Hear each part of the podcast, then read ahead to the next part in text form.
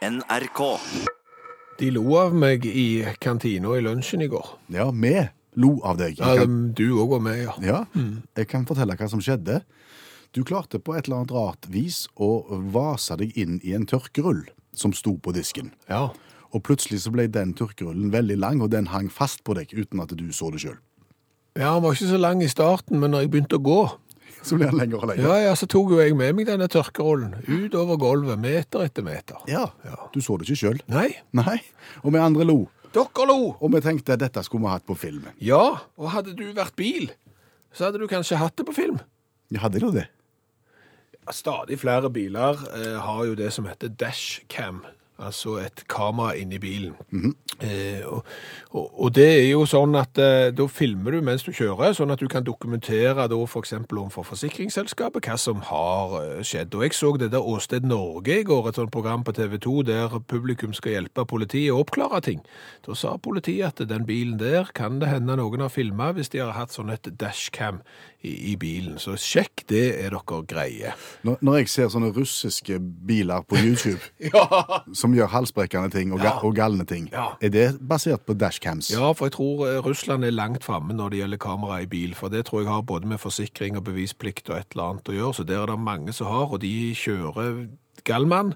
Og, og, og alle TV-program med respekt for seg sjøl som viser Gallmannskjøring, de har eh, 90% russiske biler.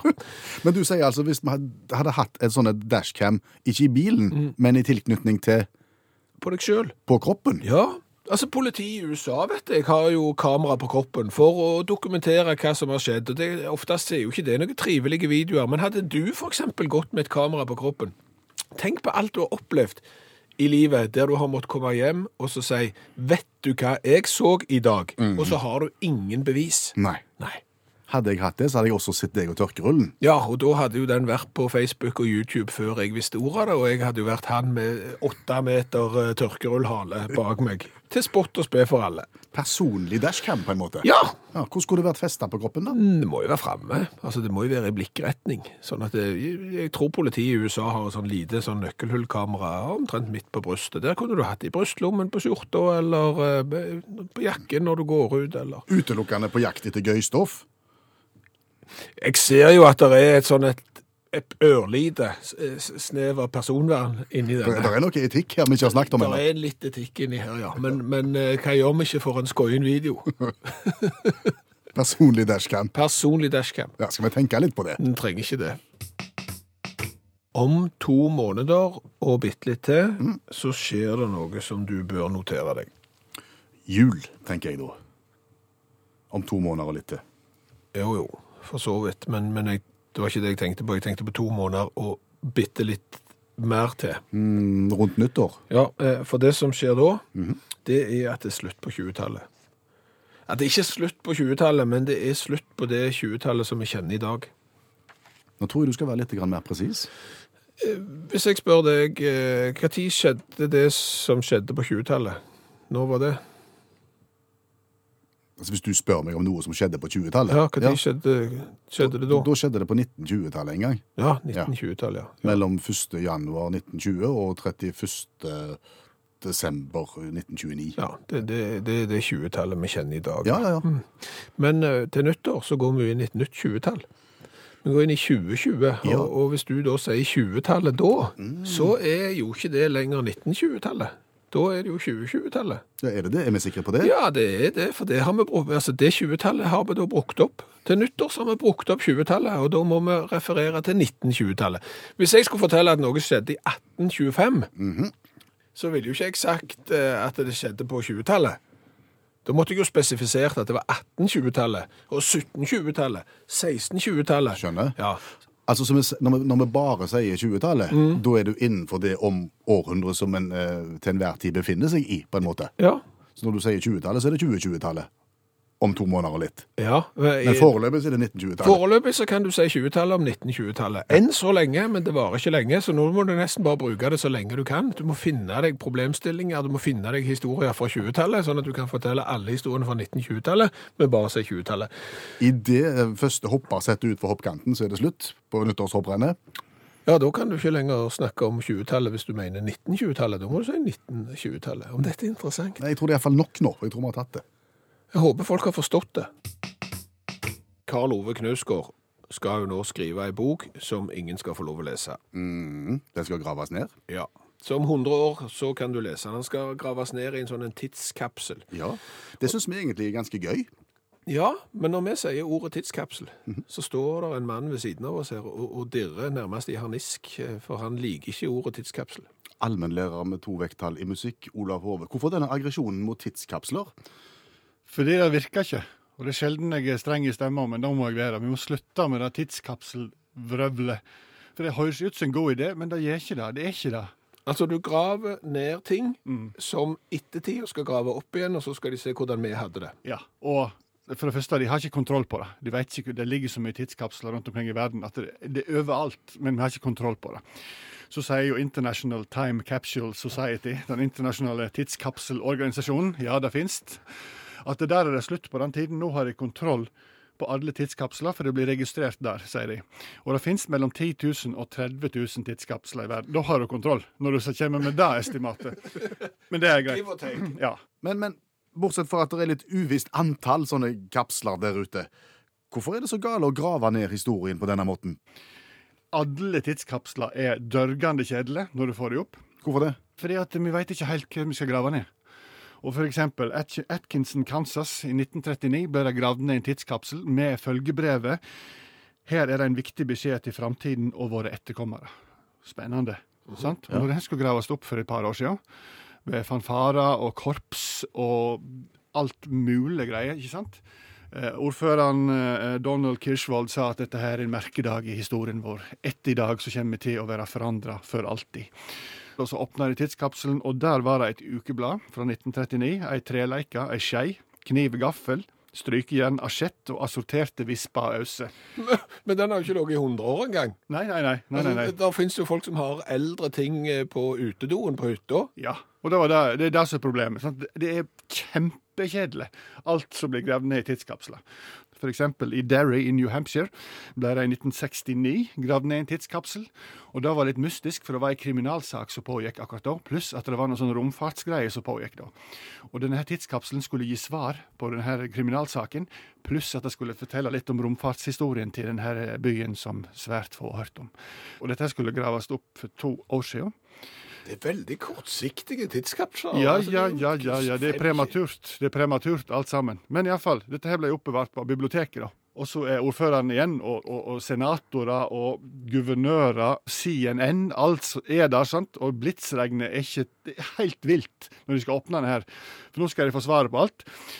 Får opp kodelåsen, får opp neste kodelås, får opp tredje kodelås, og åpner den tomt. 10-15% av alle tidskapsler de blir jo plyndra lenge før de skal åpnes. Noen hadde vært inni kapselen før de. Ja da. Eh, eh, så det er nå så. Så har du 70% av alle tidskapsler forsvinner jo i grunnvann, flom, sløve bygningsarbeidere. Oi. Ja. MIT-universitetet gravde i 1889 ned en tidskapsel med vitenskapelige manus, prediksjoner for framtida, ting som skulle takast opp 130 år seinere, altså nå i høst. Men så går verden videre, og i 1939 så ble det bygd en partikkelakselerator ved MIT. 20 tonn tung, eh, og den må jo plasseres en plass. Og det må mye betong til, så de, de fundamenterte så de, det holdt. Sette partikkelakseleratoren oppå og var fornøyd å åpne bygningen. Og så sjekket de litt kartet etter ettertid og fant ut helsike, tidskapselen ligger jo midt under her. Vi, vi, vi tenker ikke på det nå er vi i 1940, det er andre verdenskrig, vi har andre ting å tenke på. Dette kan vi tenke på om 50 år. Så eh, på slutten av 90-tallet så ble jo denne akseleratoren freda. Og nå har ikke du lov å flytte på den, da. Altså, det kommer aldri til å bli åpna igjen, da. Og problemet med alt disse her tidskapslene er det er de som da tar sine forholdsregler.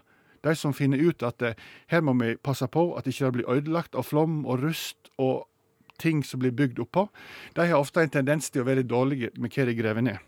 For Panasonic gjorde på 70-tallet, de hadde en tidskapselsseminar under verdensutstillingen i Japan. Og da gravde de ned to tidskapsler som skulle graves opp om 5000 år. Og det er litt hemmelighet rundt hva som er inni den, da. Men eh, de har avslørt litt, da. Og de har sagt at denne kapselen som skal åpnes i 6970, den inneholder et, blant annet et glassauga, en prostetisk kne, eh, ei svart fingernegl fra en Hiroshima-overlevende og andre viktige kunst- og vitenskapsobjekt. Så det blir spennende i 6970 når de åpner opp tidskapselen og finner ei fingernegl, et glass øye og et kunstig kne. Det var mye på en gang, det. Ja, var det gitt. Men nå har du fått sagt litt om eh, tidskapsler. Slutt med det. Tusen takk, allmennlærer med to vekttall i musikk, Olav Hove.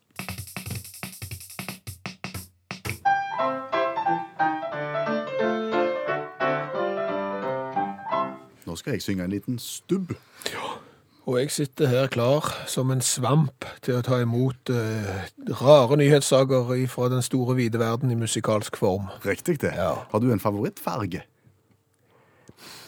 Altså blå, blått og svart. Det går i blått og Ja, svart. jeg er jo ikke noe typisk rosa mann. Nei, nei.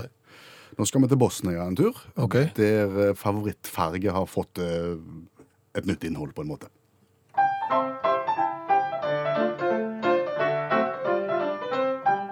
Ikke sort, ikke blått, hvitt er heller ikke flott. Nei, det er bare rødfargen som duger. Alt hun går i og bor i er rødt og bare rødt. Dra til Bosnia hvis du tror jeg ljuger. Og hun beholder fargen selv når hun er død. For gravsteinen den skal være rød. For The Lady in Red har allerede gitt beskjed om hvilken farge som kan gi evig fred. Sorcia fra Bosnia heter damen. Pensjonert lærerinne. Eh, I 1920-årene så fikk hun et slags syn om at det var rødt som gjaldt. Å ja, hvem var det som ga henne dette synet? Er det, er det bibelske dimensjoner på det, eller er det en sånn fargekonsulent? Historien sier ingenting. Hun fikk bare et sånn ekstremt behov for at uh, det var bare rødt som gjaldt. Okay. Så nå er det sånn at uh, alle klær er røde. Mhm. Håret er rødt. Huset er rødt. Ja. Møblementet er rødt. Ja. uh, tallerkenene er røde. Glassene er røde. Absolutt alt er rødt. Ja. Med ketsjup og alt. Ja, ikke sant? Ja.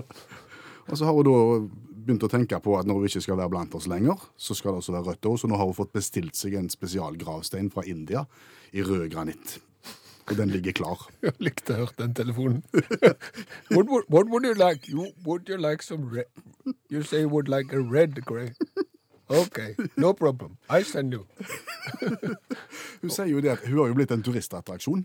Altså Folk reiser for å se huset, og folk reiser for å se damen. Ja. Og, og folk stopper henne på gata og gir henne røde ting. Og så sier hun uansett eh, Altså Hvis de gir henne noe som ikke er rødt, så vil hun ikke ta imot uansett hvor flott det måtte være. Ok. Ja, ja. Folk er skrudd sammen på ulikt vis. Det kan vi si. Nå skal jeg være 100% helt ærlig med deg. Spennende. Jeg har aldri i mitt liv vært med på å planlegge og utføre byggingen av en bil. Nei. Det er ikke så mange som har vært med på det. Så det var ikke et voldsomt altså, Det var ikke banebrytende ærlighet. Nei, nei, men det var noe ærlig likevel. Ja, ja, ja. Men, men jeg har jo forundret meg litt noen ganger hva folk har klart å få til på, på sånne møter når de da har planlagt og, og bygd en bil. For jeg ser jo for meg at det må være en kompleks eh, prosess. Ja. Det er mye du skal tenke på. Sikkerhetskrav, og, og kanskje må du liksom ofre bitte litt størrelse på bagasjerommet fordi at han skal se sånn og sånn ut. Det er kompromisser som må gjøres, det er avgjørelser som må tas, og det er sikkert ikke enkelt. Nei, jeg tenker du har møter der hvor en sitter og, og diskuterer og sier går vi for det eller går vi for det. Tar vi vekk det, så får vi det, osv. Mm. Det er det jeg òg har sett for meg. Men et eller annet sted i Frankrike så må det jo på et tidspunkt ha sittet noen folk og diskutert «Oi, ja, på det Eh, Skal vi ha det sånn at eh, når vi monterer dekktrykkssensorer i denne bilen, skal vi ha det sånn at de som eier bilen kan bytte dekk sjøl og, og risette dekktrykkssensorene helt alene? Pff, Je på non. Nei. Nei. Det du snakket om nå, framsto litt komplisert. Så- Kanskje. Ja. eh, ta det en gang til. Dekktrykkssensor, det er noe som nyere biler eh, er nødt til å ha. Det er det regelverk for. Det er sånn at hvis dekktrykket altså i, på, i dekket blir for lavt, for eksempel hvis du punkterer eller noe sånt, så skal bilen pipe og gi beskjed og varsle deg om at hoi, hoi, hoi, nå kjører du med for lavt trykk i dekket. Ja. Og det er jo et sikkerhetsaspekt. Flott. Hva er problemet da? Problemet er at den ene bilen som jeg har, mm. der er det sånn at når jeg da skifter dekk eh, og, Fra, fra sommer til vinter? Ja, eller fra vinter til sommer. Ja. Hver eneste gang jeg gjør det, så kan ikke jeg resette disse sensorene sjøl på bilen. De begynner å blinke og, og skape seg og ser ut som et juletre på dashbordet, og så må jeg på verksted for å resette dem. Og dette gjelder ikke bare din ene bil? Nei, nei, det gjelder den typen bil. Så Å. noen da har sittet på et møte i Frankrike og sagt at det tror jeg sikkert er greit. Vi lar folk dra på verksted to ganger i året for å risette de sensorene. Såpass må jo være greit. Er det en del tusen varianter av denne bilen ute på norske veier, eller? Det tror jeg vi kan si. Ja, jeg vet din bil. Du kan resette sensorene sjøl. Ja, ja. En annen bil som jeg har, der kan jeg resette sensorene sjøl. Far min kan resette sensorene sjøl. Alle kjenner kan egentlig resette sensorene sjøl. Jeg må på verksted. Men er han ny, den bilen din? Ikke helt. Nei. Men han er ikke så gammel heller, og jeg tror det samme problemet gjelder de som har enda nyere bil enn meg òg. Så, så hva har de tenkt? Ja, hva har franskmennene tenkt? På bagett, kanskje? Ja, det var i bensyr. syr. og, og, og vin og noe sånt. Han er mer opptatt av utseendet enn en dekktrykkssensorer og, og verkstedsbesøk. Kan vi si at dette var en dekkhistorie? Hvis du var 100 kliss splitter naken Mm, ja vel. Hvor hender da? på kroppen, vel? Nei. I offentligheten eller hjemme? Nei, det betyr ikke noe. Men eh, du er 100 kliss splitter naken. Ja. Og du har bare lov å ta på deg ett eneste klesplagg. Ett klesplagg. Mm. Hvilket velger du da? Da velger du boksershorts. Og så, Ja. og så er du ikke naken lenger. Ja. Så går det greit. Ja. Det er nok mange som hadde valgt det. eh, Men, men grunnen til at jeg spør, er at dette har jeg fundert litt på. Det er eh, hvilket klesplagg er det som kler nakenhet dårligst? Eventuelt best. Eventuelt, altså Boksershorts er nok kanskje det som kler nakenhet best, for da er du plutselig ikke naken lenger. Men, men hvis det er, liksom, det er ett klesplagg som ser 100% døst ut sammen med nakenhet, det har jeg brukt litt tid på. Skjønner det. Ja. Begynte du å tenke på det når du lå på nudiststrand i Spania? Når du Iblant. ikke visste at du var på nudiststrand? Eh, Blant annet, for, for jeg har jeg blir aldri helt fortrolig med, med bildet nakne folk med sko. Nei. Altså Enten du er på nudiststrand sjøl og, og ser nakne folk med sko, så ser det rart ut. Ser du en uh, artikkelserie i VG om en eller annen sånn naturistleir i, i Sør-Frankrike, der de går i butikken og, og handler kun iført handlekorg og sko, så ser det rart ut. Altså, jeg har sett, jeg har sett uh, voksne mennesker eh, med kun T-skjorte. Og ingenting nedentil. Nei, altså det, det ser ikke bra ut, det her. Nei, det ser ikke bra ut det heller, men, men jeg syns allikevel sko ser verre ut. Okay. Så det, det er min, da, hvis jeg skal definere det klesplagget som passer dårligst med nakenhet, er sko. Jeg tror jeg tenker skinnvest. Det hadde jeg ikke tenkt på. Nei. Det, det tenker, sånn, sånn erketrøndersk skinnvest, Ja, ja. og ingenting annet. Nei. Så du har åpen brystkasse i tillegg. Ja. Ja, det tror jeg nesten topper sko, altså. ja, det er bra det jo. Du vil ikke, du vil ikke se mennesker i kun skinnvest. Da har du mareritt, og så gikk den dagen òg. Men, men fortell litt om den der opplevelsen din på, på den stranda du havna på. Ja, men det, det var jo ikke så spesielt, men det var litt spesielt likevel. Fordi at vi var jo tidlig ute. Vi var jo turister og skulle nytte dagen og gikk på en strand i Spania og, og la oss til. Eh, Og så kommer det noen til, og de viser seg at de har en hang til å kle av seg. Ja. Så er jo dette en nudiststrand, så det har vi ikke fått med oss. Men, men det er klart at når du da har med unger og gjerne skal stå for det at eh, alle folk er, er like, enten innvendig eller utvendig, og det er ingenting er unaturlig, så kan du ikke reise deg og gå. Nei, du må bli. Så da må du bare bli, og så ligger du og holder holder kan du ligge der med klær? Da er ikke det på en måte eh, en uskreven regel om at er du på den stranden, så tar du av deg? Nei, I Spania er det litt blanding. Så, så der kan du gå eh, nagen med bare sko, eh, eller med, med bokser. Men ikke skinnvest. Ikke skinnvest.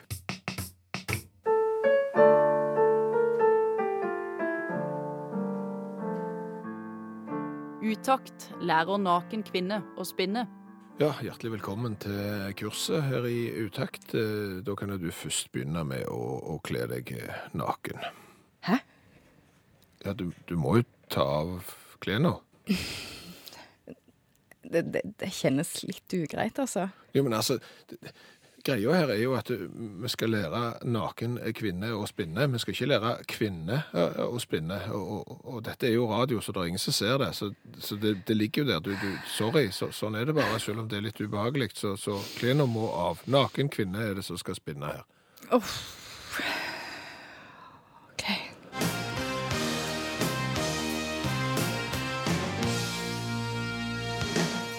Ja. Det, det er flott. Da bare setter du deg inn i, i bilen der, og så starter du motoren.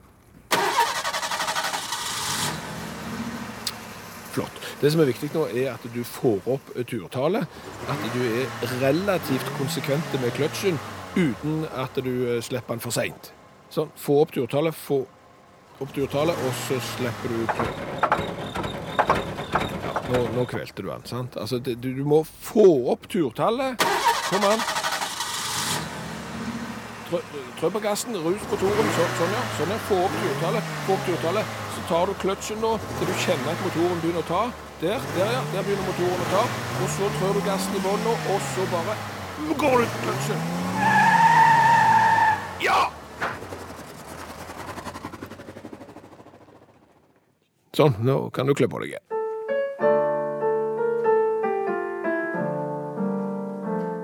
Du har hørt Utakt lære naken kvinne å spinne.